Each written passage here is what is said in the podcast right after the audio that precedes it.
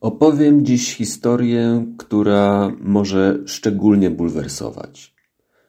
Ktoś poprzez swoje niecodzienne zachowanie staje się głównym podejrzanym w sprawie o morderstwo. A pomimo tego przez dwadzieścia lat nie zostaje nawet przesłuchany. Dlaczego? Zapraszam do województwa lubelskiego, do stolicy tego województwa.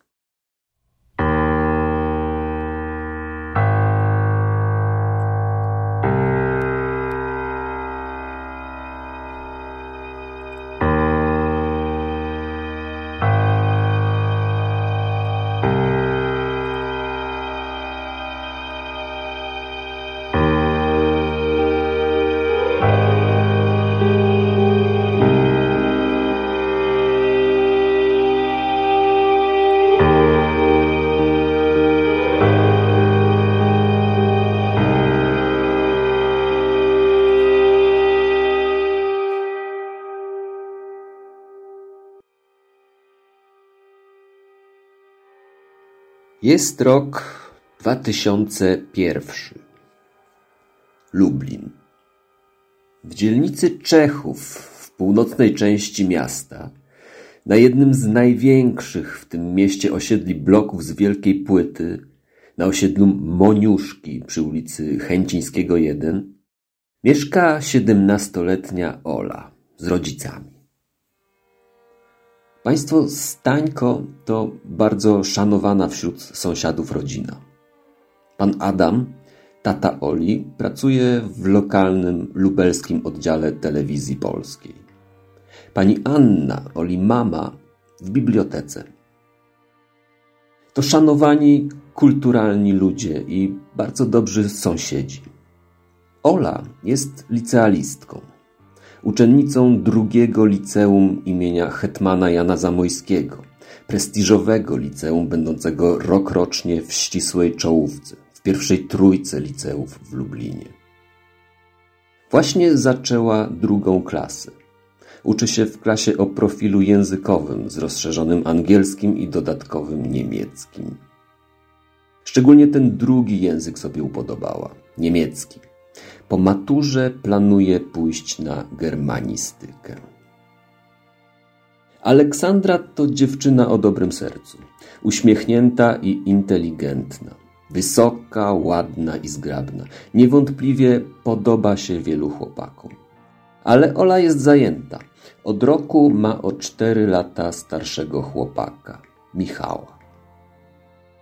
Michał jest już na studiach a mieszka w sąsiedztwie, zaledwie dwie minuty piechotką od Oli, przy ulicy Prząśniczki, co de facto oznacza, że mieszka w bloku naprzeciwko, po drugiej stronie osiedlowego parkingu, na parterze niskiego czteropiętrowego bloku numer 5.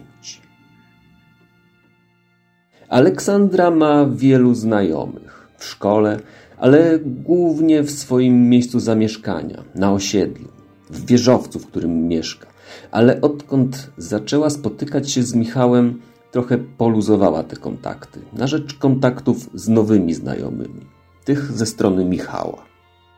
Coraz częściej przebywa w jego towarzystwie i w towarzystwie jego znajomych, co siłą rzeczy musi skutkować poluzowaniem więzi z dotychczasową paczką.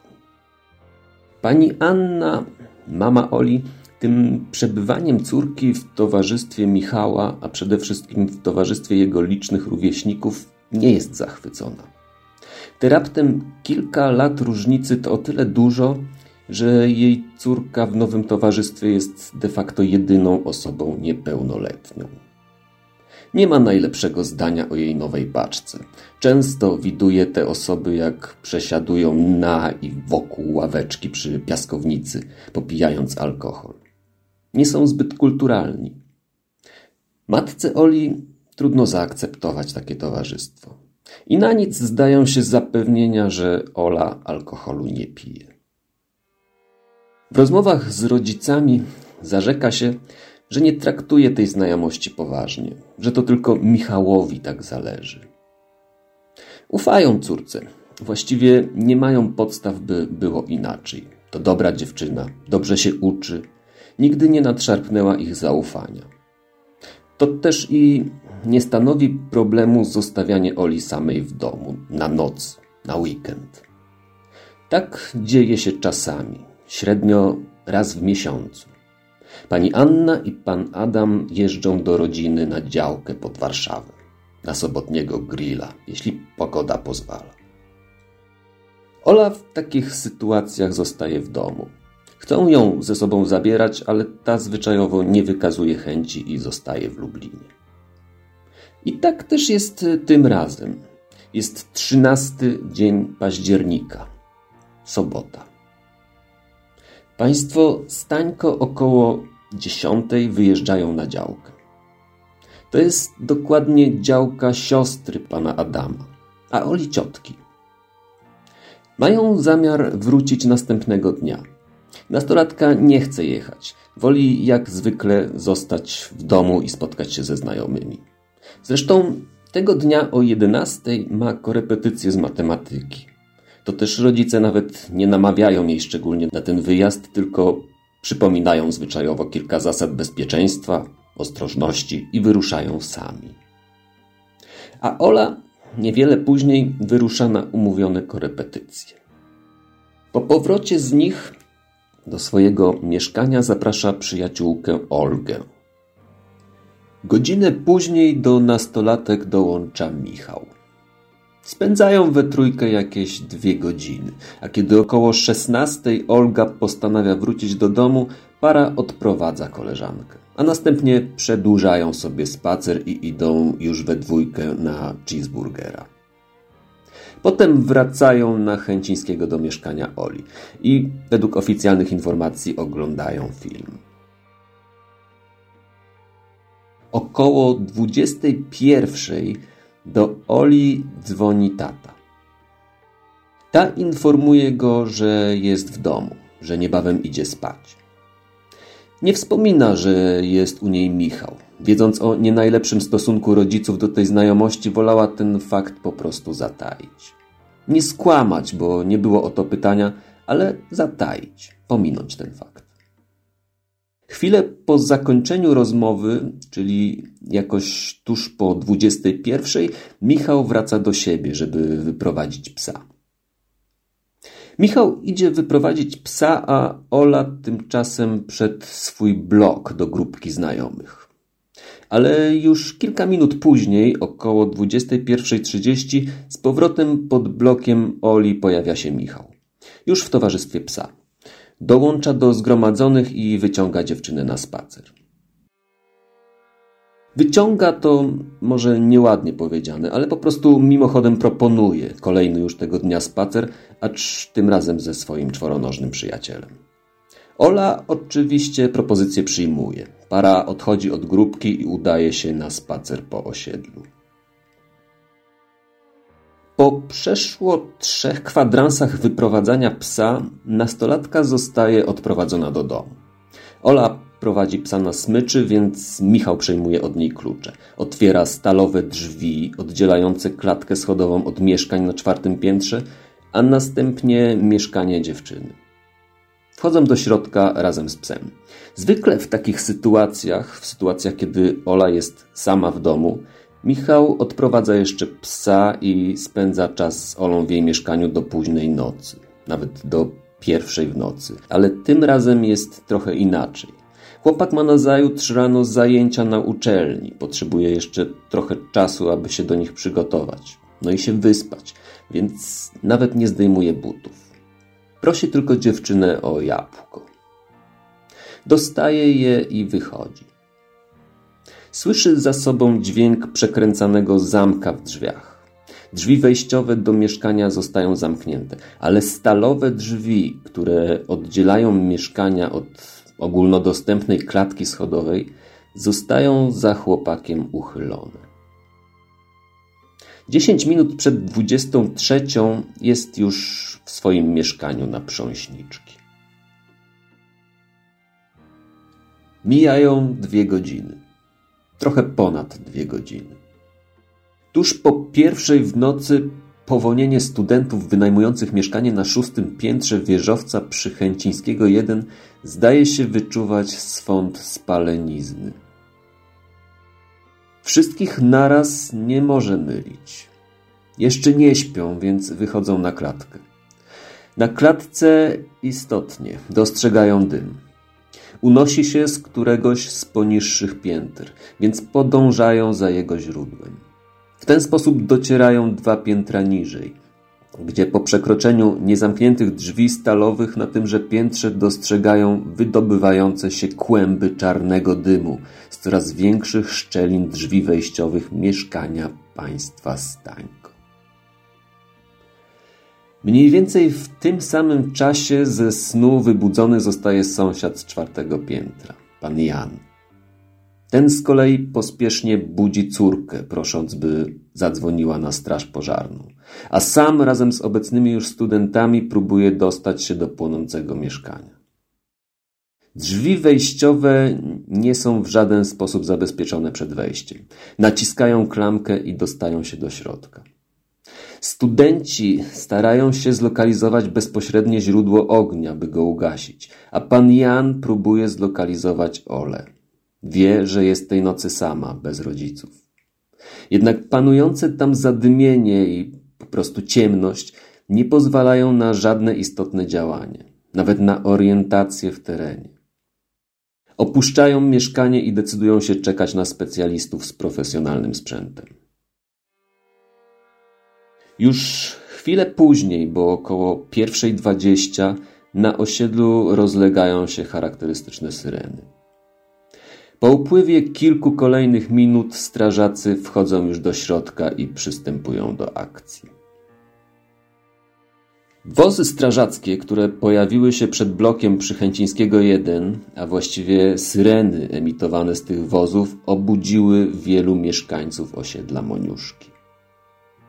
Ci, którzy mają wgląd w całą sytuację i okna vis-a-vis płonącego mieszkania, szybko orientują się, że pożar trawi mieszkanie państwa Stańko.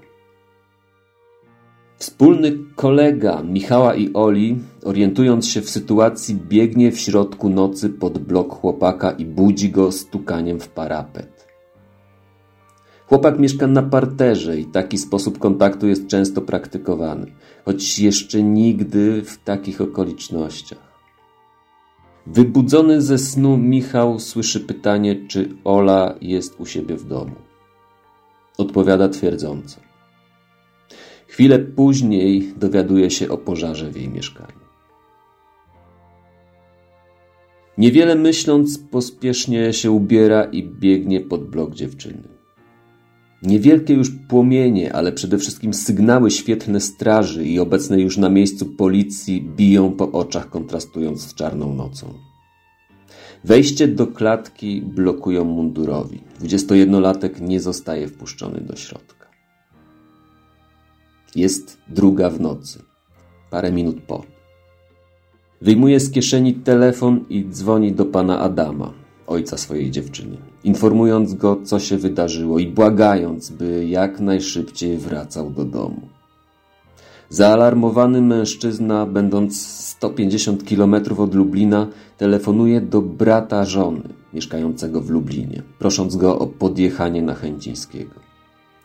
Ten spełnia prośbę, ale do klatki, podobnie jak Michał, nie zostaje wpuszczony. Z oddali może jedynie potwierdzić, że pożar jest poważny. Tymczasem strażacy, którzy wchodzą do płonącego mieszkania, podążają wąskim, zadymionym korytarzem do pokoju z balkonem. W nim zastają częściowo spalony dywan od strony okna i niemal całkowicie spaloną firankę. Na podłodze obok łóżka równie spaloną kołdrę i poduszkę. Pod nimi ujawnione zostają zwłoki Oli Stańko. Siedemnastolatka leży na wznak, z głową lekko skręconą w prawo ku drzwiom balkonowym. Już wstępny ogląd ciała pozwala z całą pewnością przyjąć, że dziewczyna nie zginęła w wyniku pożaru samego w sobie. Lewa ręka częściowo zakrywa powierzchowną ranę ciętą po lewej stronie szyi. Na gardle i klatce piersiowej widoczne są rany kłute.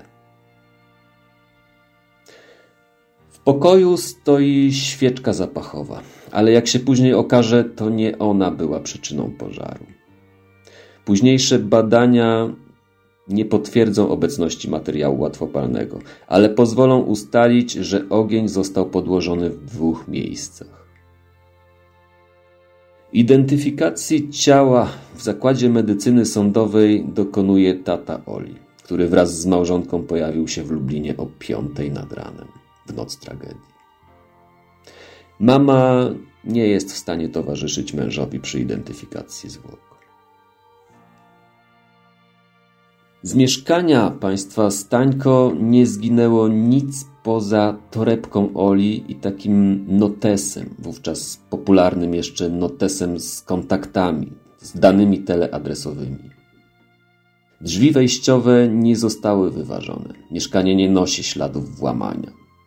Co sugeruje, że nastolatka wpuściła swojego oprawcę do domu, czyli albo znała tę osobę, albo pomyślała, że jeszcze wraca Michał i otworzyła drzwi, nie upewniając się, kto jest po drugiej stronie.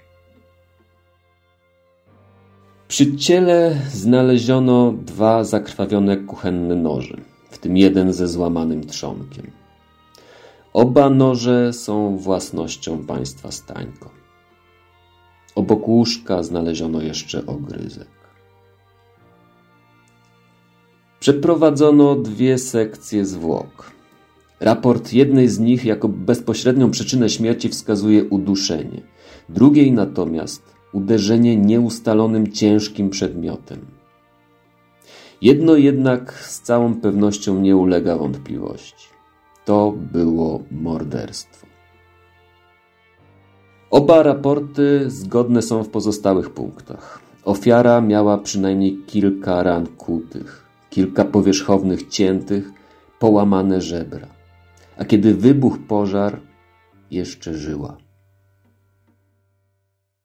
Co ciekawe, na ciele Oli nie było obecnych żadnych śladów, które mogłyby świadczyć, że się broniła. Sprawca musiał więc działać z zaskoczenia, a już pierwszy cios musiał zadziałać obezwładniająco, uniemożliwiając obronę. Badanie toksykologiczne nie wykazało w organizmie Oli obecności alkoholu. Narkotyków też nie. 15 października 2001 roku prokuratura rejonowa Lublin Północ wszczyna śledztwo w sprawie zabójstwa Aleksandry Stańko.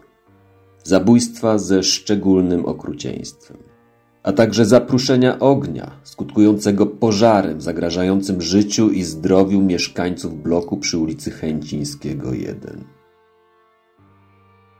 W toku śledztwa wykluczono motyw seksualny zbrodni. Wiadomo przynajmniej, że do gwałtu nie doszło. Motyw rabunkowy też wydaje się mało prawdopodobny. Jak wspominałem, skradziono jedynie torebkę i notes z kontaktami. Zaczynają się liczne przesłuchania. Rodziny, sąsiadów, znajomych dziewczyny, rówieśników z klasy i oczywiście przede wszystkim jej chłopaka kilkukrotnie.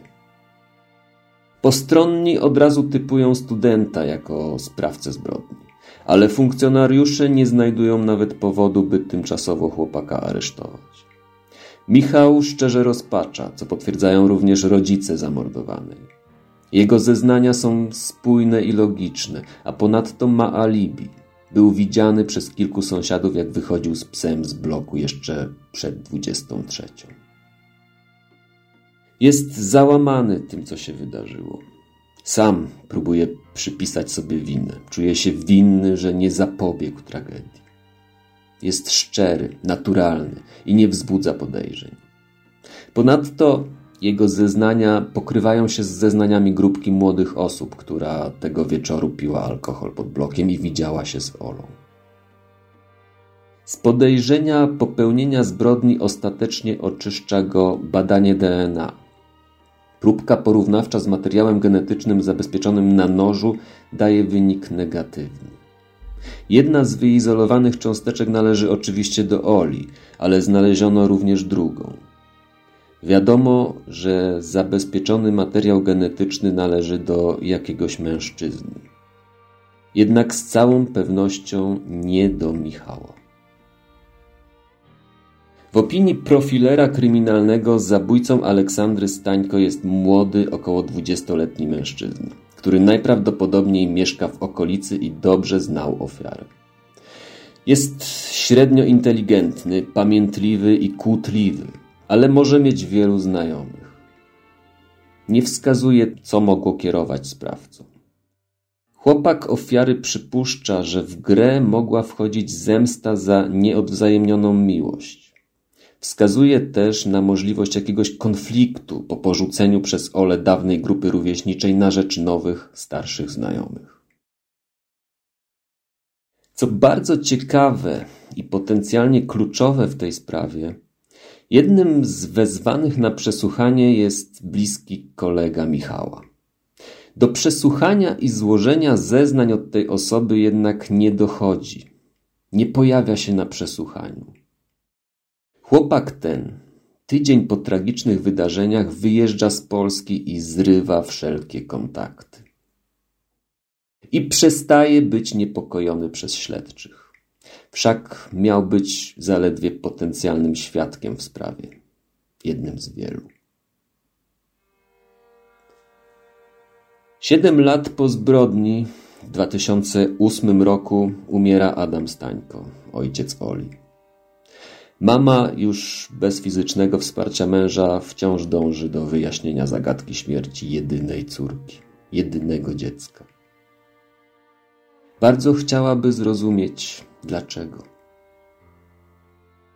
Aktualnie sprawę śmierci licealistki przejęło lubelskie Archiwum X.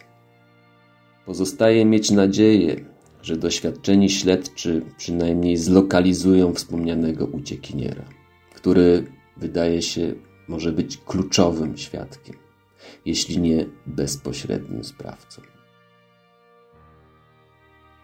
A może ty wiesz coś w sprawie zbrodni przy Chęcińskiego 1 w Lublinie jesiennej nocy 2001 roku? Może jesteś w stanie pomóc w ujęciu sprawcy lub sprawców? On lub oni nadal są na wolności. Życie straciła młoda dziewczyna, uwielbiana przez rówieśników, pełna energii, marzeń i planów. Jedyne dziecko swoich rodziców. Jej morderca ma teraz prawdopodobnie około 40 lat. Być może założył rodzinę. Ola została tej możliwości pozbawiona w sposób brutalny i nieodwracalnie. Czy tak ma wyglądać sprawiedliwość?